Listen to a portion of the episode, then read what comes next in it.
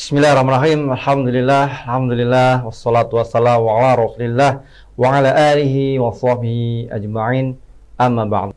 Hepatitis sering sekali terjadi pada seseorang yang tentunya tidak bisa ditolak.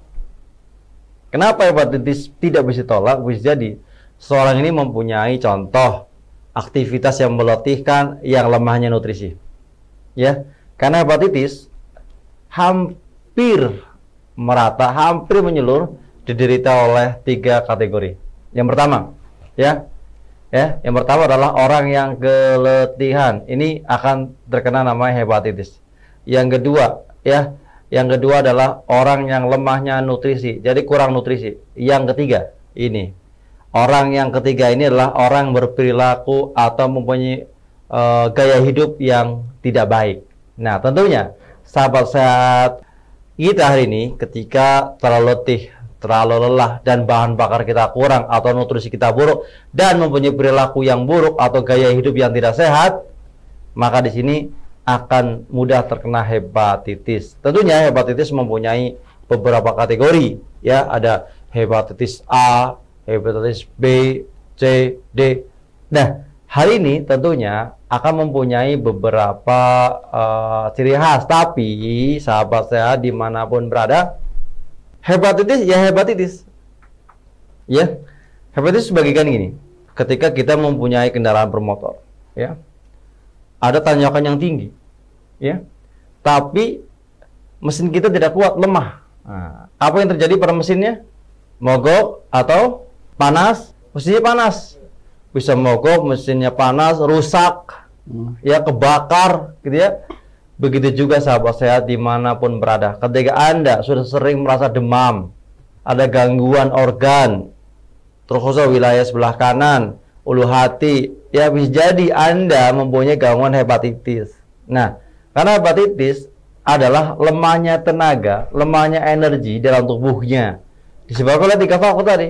Keletihan kurang makan malas makan tapi aktivitas tinggi yang ketiga gaya hidup yang tidak baik.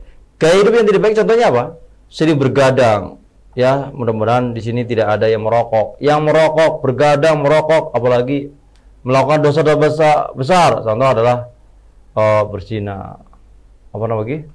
Uh, minuman keras, suntik narkoba. Ini akan lebih cenderung akan terkena namanya gangguan hepatitis. Sahabat sehat di pun berada. Kita hari ini ketika punya aktivitas tinggi, yang paling utama yang perlu kita lakukan adalah nutrisi yang mendukung. Ya, ketika hari ini kita tidak mempunyai nutrisi yang mendukung, aktivitas tinggi, apalagi bergadang, bergadang di sini juga melakukan hal-hal yang negatif.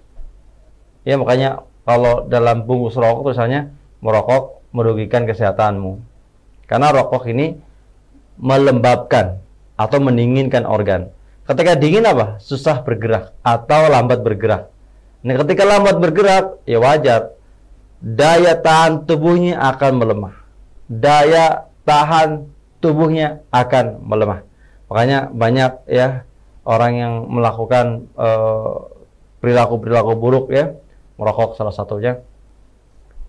Itu kalau seumpama jalan udah ngap, udah sesek, ini akan berpengaruh besar. Jadi hepatitis intinya adalah kelemahan fisik yang melembabkan tubuh yang terjadinya peradangan dan setiap peradangan karena ini lembab maka akan menjadikan demam atau panas.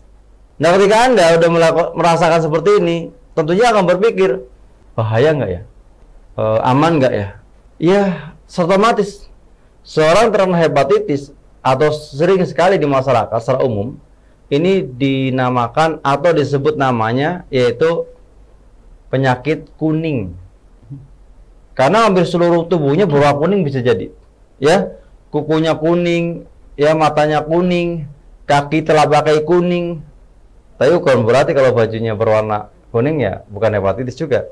Jadi di sini sahabat sehat di mana pun berada, kuning artinya di sini adalah lemahnya darah Berarti kalau kita menyampaikan tentang darah, darah dan ruhnya daripada organ jiwa. Organ jiwa adalah organ dada. Nah, ketika seorang menggangguan organ dada, berarti ada dua faktor yang perlu kita perbaiki.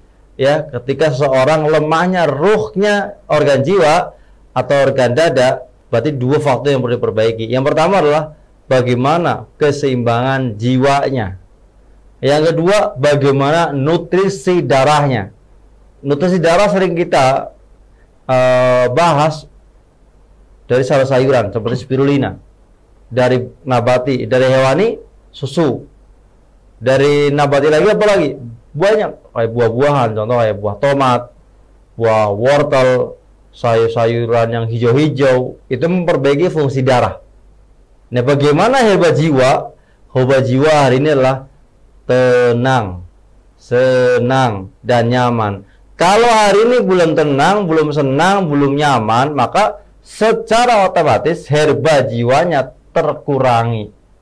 Nah, ketika herba jiwa yang terkurangi akan menyebabkan gangguan asam lambung meningkat sehingga fungsi penyerapan nutrisi akan semakin lemah.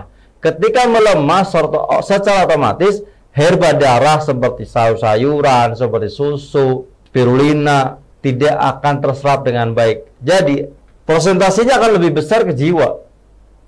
Seorang terkena hepatitis berarti prosentasenya lebih banyak ke jiwa. Berapa persen? Ya kurang lebih 80-90 persen harus perbaiki konsep manajemen keseimbangan jiwa. Terus sisanya gimana? Nutrisi. Kalau banyak nutrisi, makan banyak-banyak, tapi kita nggak tenang, nggak senang, nggak nyaman, ya masalah. Senang tuh apa? Banyak bersyukur. Alhamdulillah. Alhamdulillah la hal. Kita bersyukur memuji Allah dengan segala kondisi. Yang kedua, Tenang, tawakal Allah ketika kita banyak kesulitan, banyak masalah. Bismillahi tawakkaltu Allah. La haula wala quwata illa billah.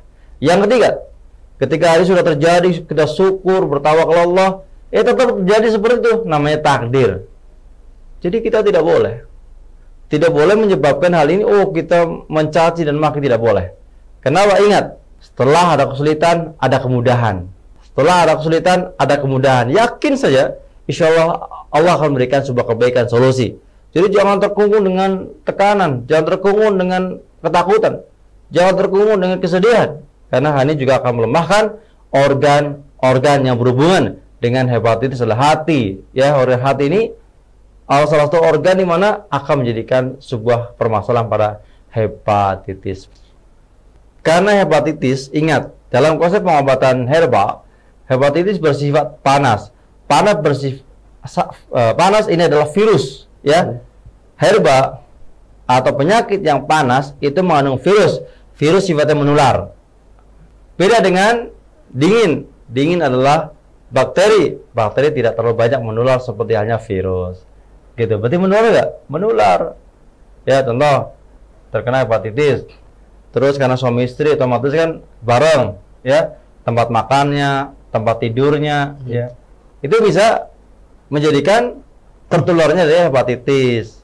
Yang dihindari yaitu sahabat sehat, Anda yang suka mengkonsumsi makanan-makanan yang sudah dihangatkan, makanan yang terlalu asin, makanan yang terlalu dingin, makanan yang tentunya bercampur antara buah dan susu. Ini akan melemahkan daripada permasalahan kekuatan hati. Kenapa? Semua makanan tadi yang kita sebutkan adalah makanan yang susah, susah, susah terserap. Sehingga tidak menjadi tenaga dalam tubuh kita sehingga tidak menjadikan energi bagi tubuh kita sehingga tubuh kita menjadi lemah, letih, lesu, loyo dan otomatis ketika kita beraktivitas yang tinggi akan menggerus atau akan merusak atau akan memanaskan daripada permasalahan organ tubuh kita.